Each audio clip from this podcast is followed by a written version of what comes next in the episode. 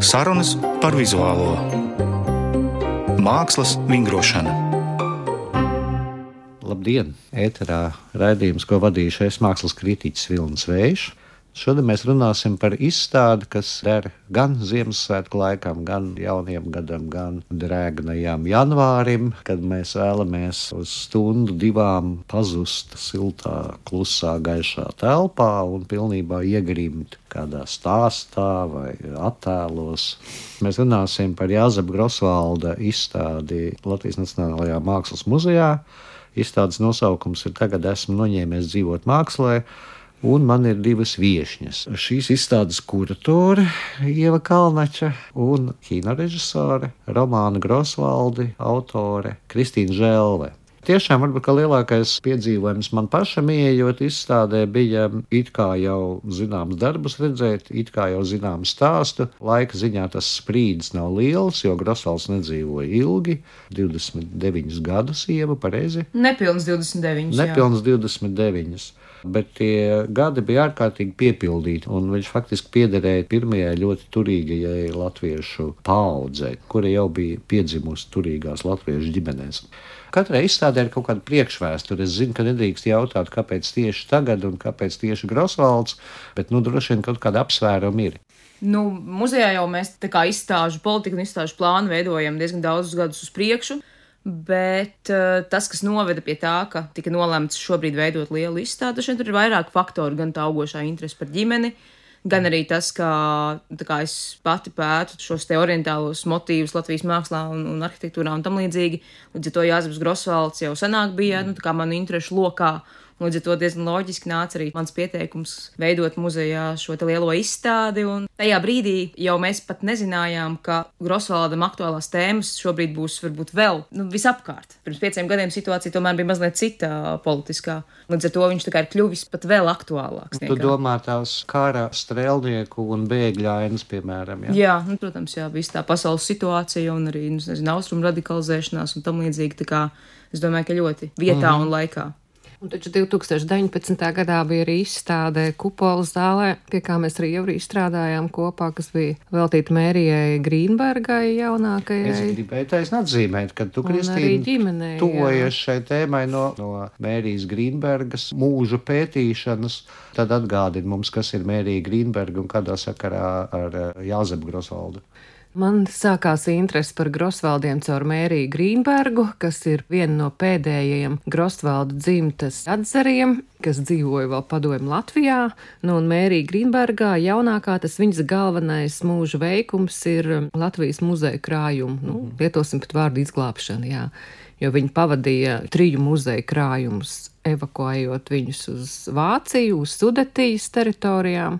Un viņa bija arī vienīgā, kas tā kā devās līdz kā brīvprātīgā, un arī vienīgā, kas pēc tam atbrauca atpakaļ ar šiem krājumiem. Un, principā, viņai mēs varam būt pateicīgi par eh, ļoti daudzu muzejisko vērtību, neteiksim bez problēmu atgriešanos, bet tomēr atgriešanos atpakaļ Latvijā. Mm -hmm un viņas sakars ar Jāzepu Grosvaldu bija. Jāzeps bija viņas krustēvs, onkulis. Tātad, tad viņai bija māte arī e, Mērija. Nu, viņai bija māte Mērija, var cikot vecajiem Grosvaldiem, patriarham Friedriham, jā, tātad Latviešu biedrības priekšniekam bija pieci bērni, kas izdzīvoja un sasniedz pieaugušu vecumu.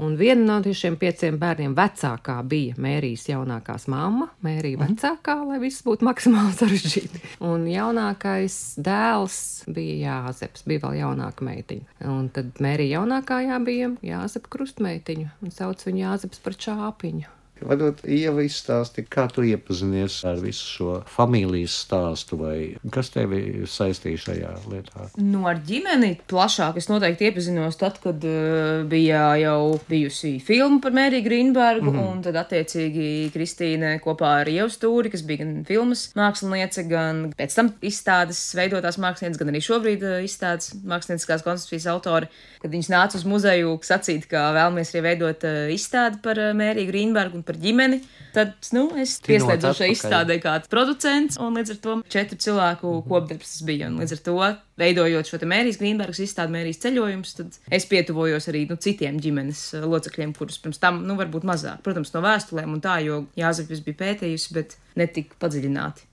Es taisnīgi gribēju atzīmēt, ka, protams, ir ārkārtīgi interesants viss tas fons ap Jāzepu Grosvaldu, bet viņš pats arī ir ievērojama persona. Ja tev trijos vārdos būtu jāpastāsta, ar ko Jāzeps Grosvalds ir tik eh, svarīga figūra latviešu mākslas vēsturē. Viņam bija pilnīgi cita veida iespējas, līdz ar to viņš varēja nevis mācīties, teiksim, Pēterburgas mākslas akadēmijā vai kur citur, bet viņam bija iespēja būt Rietumē Eiropā, iepazīt aktuālās tendences, ļoti plaši iepazīt arī vecmeistaru darbus, un, protams, arī sava laika citus māksliniekus, laika biedrus Eiropā. Un tad, kad viņš nonāca Latvijā, sākoties pirmajam pasaules karam, tad viņš varēja šīs zināšanas nodot saviem laikabiedriem, citiem latviešu māksliniekiem. Un tāpēc viņš tiek uzskatīts par šī klasiskā modernisma aizsācēju Latvijas mākslā. Kas vēlāk jau ļoti mhm. manifestējas kā Rīgas mākslinieka grupa, kur viņš pats īsti vairs nepiedzīvo, lai gan it kā tiek uzskatīts par nu, daļu no mhm. tās. Mm. Nu, viņš spēja kā, viņam nodot informāciju, stāstot, rādot. Viņš bija savaicis no Parīzes žurnālus, un viņam ļoti kā, rūpēja tas arī, kā viņa laika biedri to uztvers. Jo pirms tam mm -hmm. viņš viņus nepazina, viņam tā kā nebija interesi par Latvijas mākslas vidi, varbūt pat pirms Pirmā pasaules kara sākuma. Mm -hmm. Bet tas ļoti strauji mainījās. Tajā brīdī viņš sajūta arī to savu latvietību, kas mm pēc tam atspoguļojas šajos nozīmīgajos ciklos. Un, Kristīna, es lasīju tavā romānā, bija ļoti aizkustinoši tur tādas lapus par eh, šo divu brāļu, Oļģerta un Jāzemu Grosvaldu savstarpējo saraksti. Un ar ko tev šī personība saista?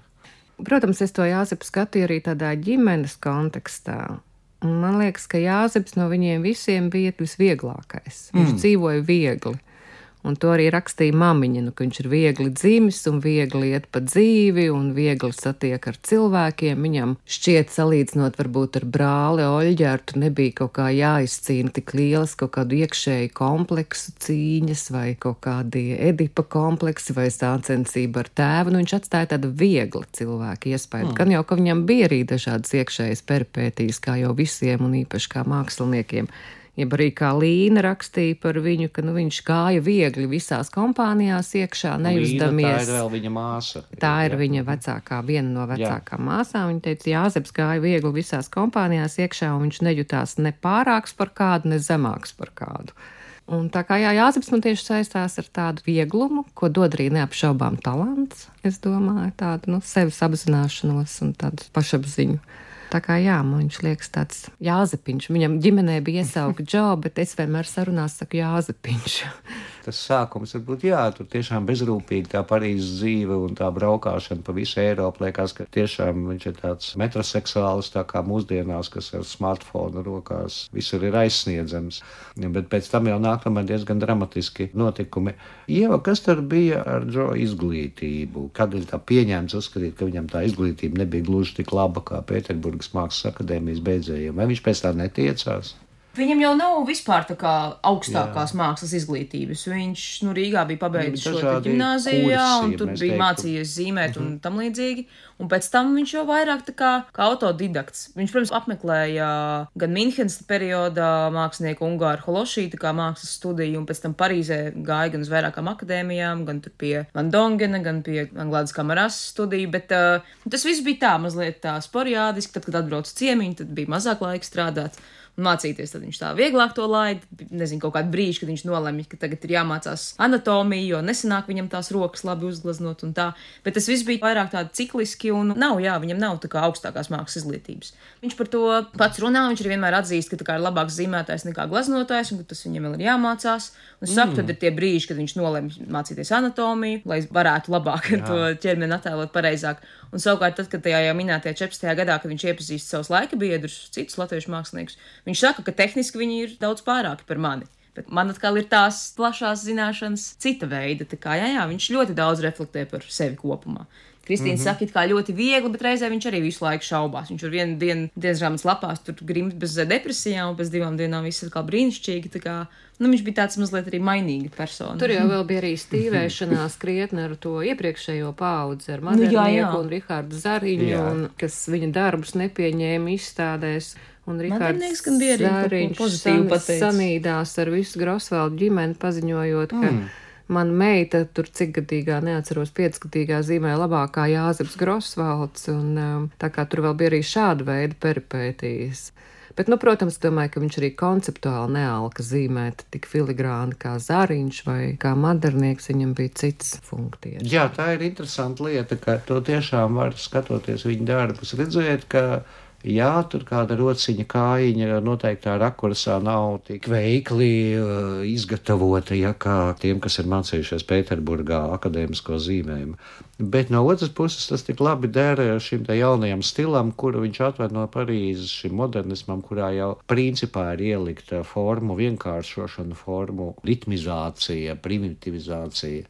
Man Grosvalds, protams, ir mīļš ar to savu absolūto kompozīcijas izjūtu, kur faktiski gan zīmējums, gan krāsa ir pakļauta tam, lai viņš pavisam nelielā formātā uzliktu perfekti izsvērtu kompozīciju, kur pat, teiksim, blindāžas tie baļķīši veido kaut kādu ritmu horizontāli vai diagonāli, vai nemaz nerunājot par strēlnieku figūrām vai, teiksim, tādām lietām, kas ir saturiski piesātinātas. Ieva, kā bija veidot šo izstādi, mēs tagad uz to skatāmies kā uz milzīgu, svarīgu latviešu mākslas mantojumu, bet lielākā daļa no šiem darbiem taču ir tādas tālākam darbam izgatavotas skices.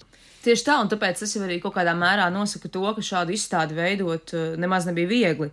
Un līdz ar to man šķiet, ka arī nu, izstādes mākslinieca ir paveikusi milzīgu darbu, jo izlikt ļoti daudz neliela formāta darbu, lai tas neizskatītos kaut kā sadrumstalot, tas noteikti nav viegls uzdevums. Man šķiet, ka izstādē tas ir perfekti atrisināts, un tāpēc mēs pat par to neaizdomājamies. Bet skaidrs tā ir ir šīs lielās gleznas, kur ir salīdzinoši ļoti maz, un tad ir vienkārši milzīgs kalns ar šiem akveļu gleznojumiem, temperatūras gleznojumiem, skicītēm. Un Jāsbis pats arī bieži raksta, ka nu, tad, kad būs laiks, tad jau viņš no tām skicītēm veidos tos lielos darbus.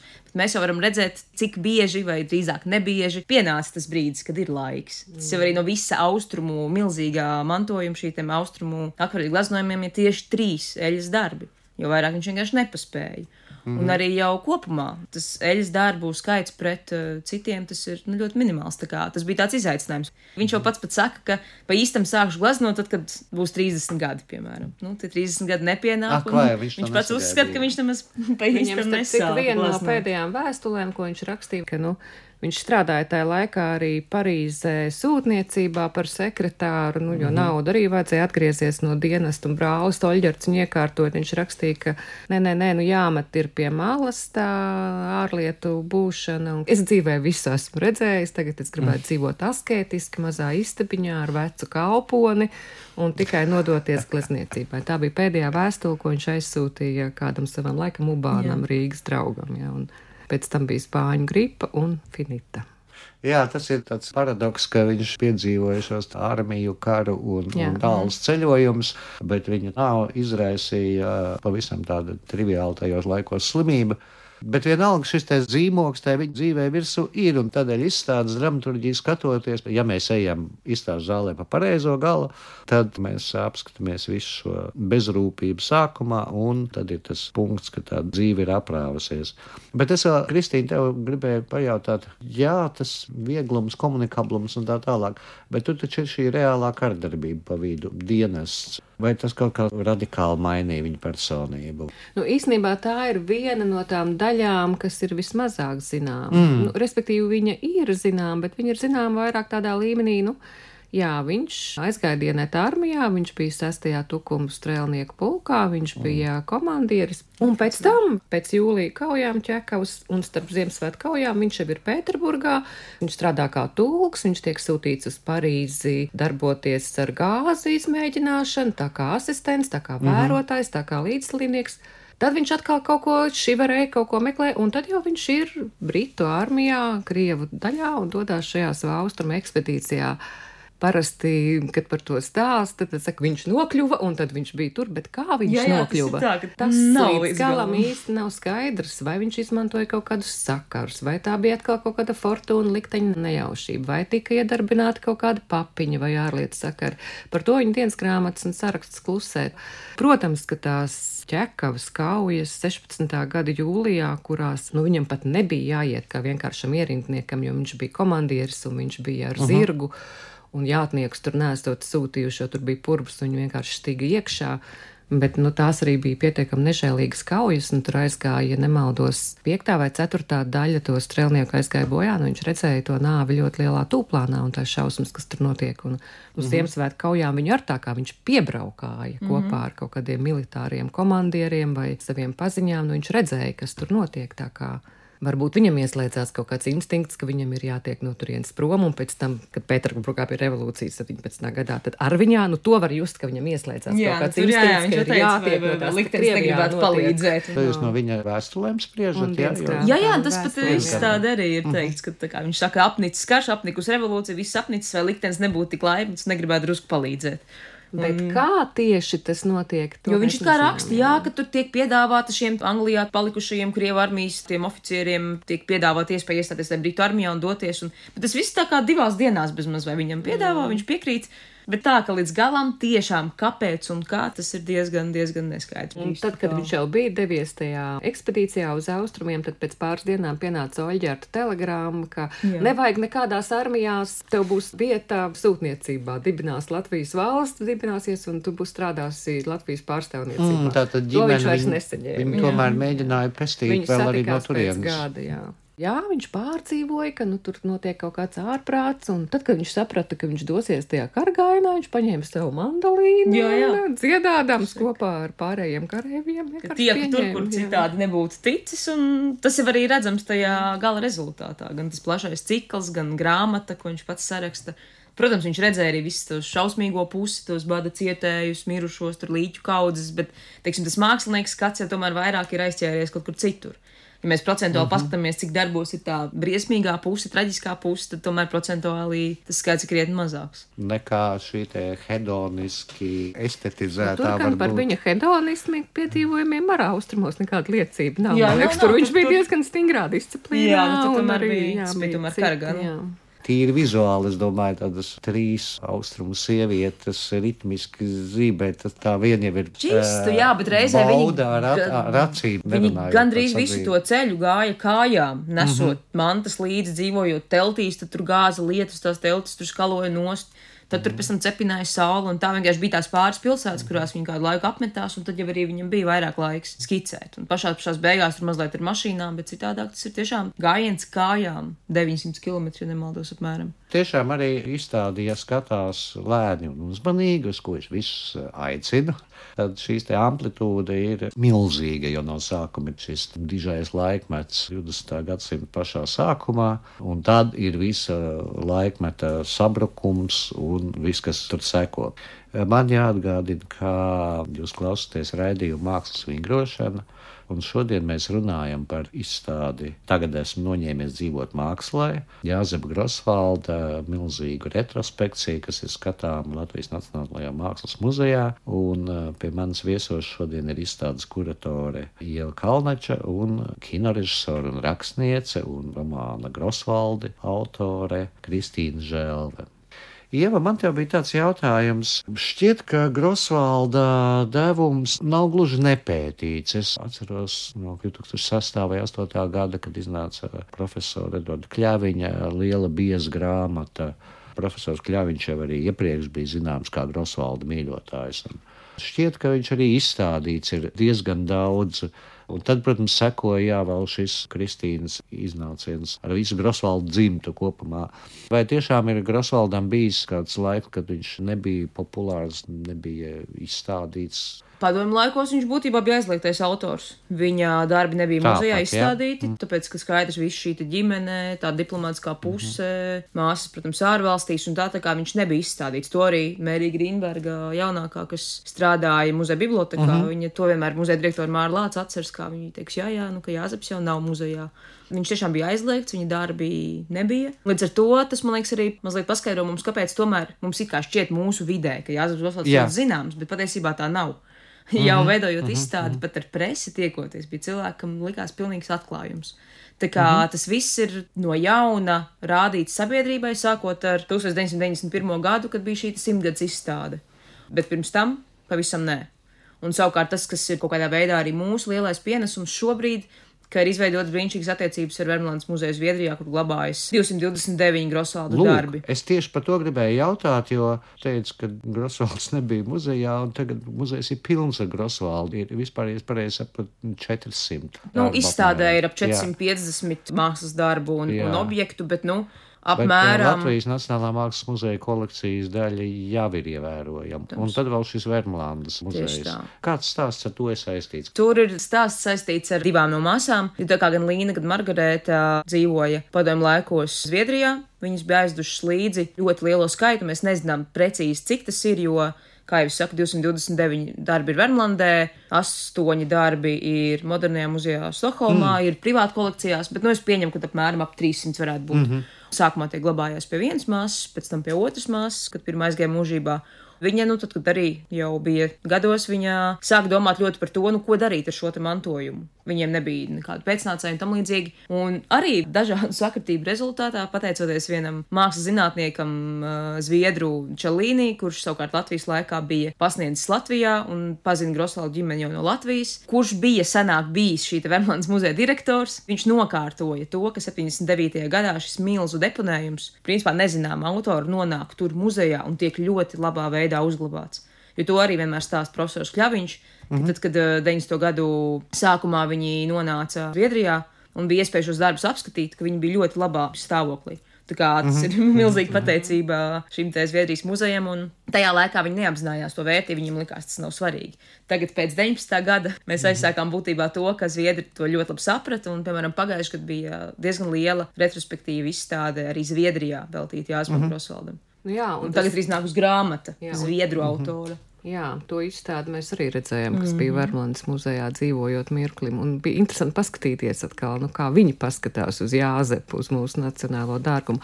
Bet es gribēju vēl par to, ka tu teici, jā, ka muzejs tagad ir pilns ar Grosvaldu, bet padomju laikā jau tā arī, man liekas, galīgi nebija, jo pirmkārt viena liela mantojuma daļa atnāca no Grosvaldu dzimtas pēdējiem mantiniekiem, un ties bija, man liekas, kaut kādi ap 2000. Ceturtiem, man liekas, gadziņas. Jo tur visi viņas zīmējumi, skices, no tā ģimene to visu. vienkārši sākot ar mēriju. Tajās divu ar pus mazajās Grosvaldu komunālā dzīvokļa istabiņās tas viss tur tika visu padomu laiku uzglabāts, arī cik nu tas bija iespējams labā kārtībā, uzturēts, nekas netika ārā mests, pat viņu bērnu zīmējumu un sakaltusī krāsu kaste, kas arī tagad man liekas, jā, ir un ceļojumu kaste. Un tas pēc tam nonāca muzejā, un arī kaut kādi darbiņi, gan austrumu, gan Venēcijas, bija pie Oļģerta mantiniekiem Briselē. Un arī 2000. gadu sākumā Oļģerta atraitnes ģimenes pēcteči atveda uz Rīgu un uzdāvināja arī muzejam, tā kā viņš pamazām ir nācis atpakaļ arī visus šos gadus. Šis Jāzeps, jeb Džo, viņš nomira 1920. gadā, jā, pirms 30 gadu vecuma sasniegšanas. Kristīna, viss tā pārējā, es saku, vispārējā ģimene tāda, kā Džo turbūt bijis galvenais, bet absolūti nebija. Bet, teiksim, šī ģimene pēc tam, kur viņi izkaisījās, Nu jā, tu saki, Džo, varbūt viņš arī bija galvenais, jo to māmiņa raksta vēstulēs, līdz ar Džo ir pazudis prieks mūsu ģimenē. Nu, protams, ka mm. bērnu trauma ir jebkurai mātei nedziedējama, un, un māmiņa vēstulēs raksta, viņa raksta Oļģerdam, starp citu, mans Džo, mans mīļais Džo, tas bija mans mīļākais bērns, mans mm -hmm. mīļākais dēls, mm -hmm. un tā kā Oļģerdam vēl šis ir jāno psihoterapē arī, ka Džo ir mīļākais dēls, un tā ģimene pēc tam īsti vairs neatguvās tiešām pēc šī trieciena, pēc Jāzepa nāves, un tālākie likteņi nu dažādi. Oļģerts palika Parīzē, Tur viņš arī sagaidīja Otro pasaules karu un Latvijas okupāciju. Viņš neatgriezās Latvijā. lai viņš gan- bija diplomāts. Jā, viņš bija diplomāts, viņš bija Latvijas sūtnis. Protams, ka jaunā padomju valdība lika un aicināja visiem sūtņiem atgriezties. Viņš to nedarīja. Viņš visu mūžu saglabāja šo goda sūtņa vai reprezentatīvā sūtņa titulu. Manā grāmatā arī var izlasīt, viņš jau tur, protams, cīnījās arī ar trūkumu, un viņa dzīves līmenis nebija tāds, kā viņš bija pieredzējis dzīvot.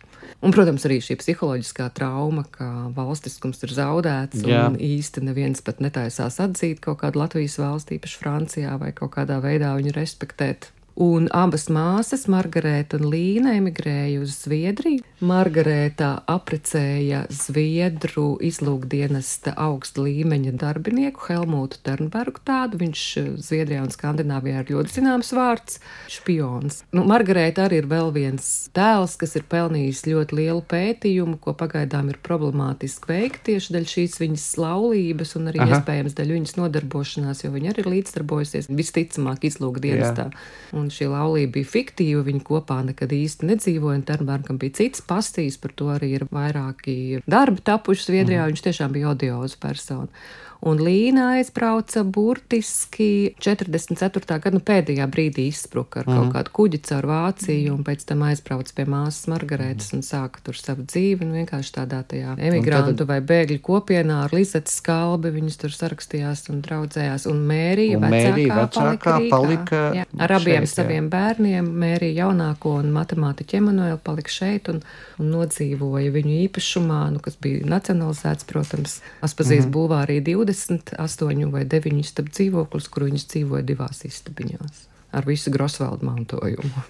Ieva, tu ilgstoši strādājot pie šīs izstādes, ar kādām zināšanām tu iegāji ar kādām tu iznāci? Vai tur ir mainījies kaut kas ļoti būtisks tajos priekšstatos par Džo, par viņa mākslu, par viņa mākslas teiksim, nozīmi un saturu? Es nezinu, vai tieši priekšstatos, bet mm -hmm. tajā plašumā un dziļumā viennozīmīgi. Jo nu, skaidrs, ka savā laikā bija ļoti nopietni lasīta jau pieminētā mm -hmm. Edvards Kļaviņa monogrāfija, kas man liekas vispār varētu būt viena no vis, varbūt izcilākajām mākslas vēstures grāmatām. Mm -hmm. Bet, protams, tas ir arī pateicoties pašam Džo, pateicoties tam, cik viņš daudz ir rakstījis pats, un pateicoties tam, ka tas ir pie mums nonācis. Mm -hmm. Jo skaidrs, ka par lielāko daļu mākslinieku mums vienkārši nav šādu materiālu. Tā kā mums nav iespēja tik tuvu pietuvoties. Arī tagad gatavojot rakstu, es katru dienu turpinu lasīt tās dienas grāmatas, un liekas, ka katru reizi ir kaut kas jauns. Jo nu viens ir pētīt kaut kādu konkrētu mākslas aspektu vai tā, bet šeit tas mērķis bija arī parādīt viņa personību. Tā kā jā, jā, man tiešām šķiet, ka es pazīstu Džo. Liekas, ka modernisma mākslē ir raksturīgs tas princips kaut kā atdalīt personisko no formālā. Un, Viņa gadījumā. Vai izdodas, ja nē? Noteikti nē. Mēs jau vairs neesam modernismu laikmetā. Mēs jau, man liekas, esam tieši tajā atkal, kad kaut kādas tās kritiskās teorijas, kur tiek vērtēts Jā. arī konteksts un privātā dzīve un politiskā dzīve. Un, Bet interesanti, ka es tieši svarīgs, pašā glezniecībā es tieši jūtu šo formālo noti, kurā vienlīdz brīnišķīgās kompozīcijās sastājās gan kara šausmas, gan meitenes Parīzes kafejnīcā. Jā, nu viņš bija modernismu laikmeta bērns. Un man liekas, arī ļoti interesanti būtu izdot ģimenes sarakstu. Tas, man liekas, varētu būt vēl viens tāds pamatīgs ķieģelis. Visa šīs ģimenes saraksta arī ir ārkārtīgi interesanti. Viņu korespondence savstarpējā. Tur daļa ir manā grāmatā, bet, nu, protams, ka tur ir vēl un vēl. Un mēs šobrīd strādājam pie dienas grāmatu izdošanas, un o, tad nākamais super. jau tad ir tas. Nu jā, tur bišķiņi dublējās tās dienas grāmatas un tas saraksti, bet tās mm. arī ir ļoti mm. interesants tāds laikmetu materiāls. Bet tas būtībā ir arī pat neticami un fantastiski, ka muzejam izdevās tajā laikā nopirkt šo milzīgo memoriālo kolekciju, jo bez mazliet jau veda koferi ar naudu, mm. citi pircēji, un bija ļoti grūts process, bet es domāju, ka ja tas būtu nonācis privātās rokās, mm -hmm. Tas būtu varējis visu kaut kādi izšķīst vēlāk, un tad mēs to nesavāktu un nevarētu to tādā veidā pētīt. Tā tas arī tāds laimīgs gadījums, ka mums ir viss šis lielais mm. mantojums ar skiču albumiem, dienas grāmatām, vēstulēm. Es atkal domāju, diez vai ir otrs tāds mākslinieks, kurš līdz 28 gadu vecumam būtu tik kupli pārstāvēts Nacionālajā muzejā. Un tad es domāju, vai tas būtu iespējams mūsdienās? Galīgi nē.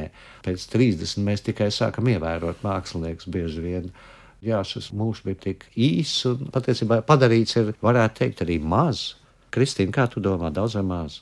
Nu, man liekas, vēl viens aspekts, kas varbūt neizskanēja, bet ir būtisks par Jāzepu Grosvaldu runājot, ir pat nevis daudz vai maz, bet viņš ļoti daudzās tēmās bija pirmais. Piemēram, bēgļi. Nu, viņš pirmais sāka zīmēt bēgļus, viņu Pēterburgā izstādē izstādīja, viņš mm. tika pamanīts no kritikas, un pēc tam arī citi mākslinieki nāk ar līdzīgām tēmām vai tiem pašiem strēlniekiem. Arī viņš bija pirmais, Jā. kas sāka šo tēmu attīstīt. Arī austrumu ciklā viņš ir pirmais un droši vien arī vienīgais tā perioda. Revolūcija Pēterburgas vienkārši bija. tā kā, nu, vai tā bija sagadīšanās, vai tas arī bija viņa kaut kāds īpašais talants, viņa kaut kādas antenas, bet šīs tēmas viņš uzsāka, un ar to arī es domāju, ka viņš ir ļoti svarīgs modernismu periodā. Un es pat teiktu, ka viņa formas atradumi vai stilistika ir pēc tam atkārtota vai ietekmējusi citus māksliniekus tajā pašā strēlnieku tēmā, kas jā, pēc tam ir piemēram, latviešu jā, mākslā daudz un dažādi izmantota. Viņš teica savās dienas grāmatās un arī vēstulēs Oļģertam, nu brīžiem mēs tādā lielā sajūsmā par to Parīzes radikālāko vai avangardiskāko modernismu nav. Par futūristiem vai kubistiem viņš diezgan par viņiem ņirgājās un arī var redzēt, ka viņš tā īsti viņus nesaprot, kas tur īsti notiek un kam tas vajadzīgs. Un tad viņš raksta Oļģertam tādas mazliet provinciālas vēstules, cik tas viss ir šausmīgi un priekš kam tas vajadzīgs. Tā tāda ākstīšanās, kas tur notiek.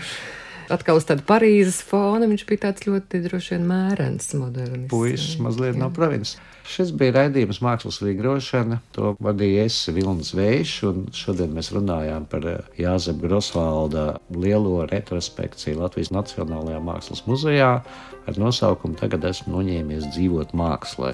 Manas viesņas šodien bija izstādes kuratorija Kalneča un kino režisora un romāna Grosvalde autore Kristīna Žēlle.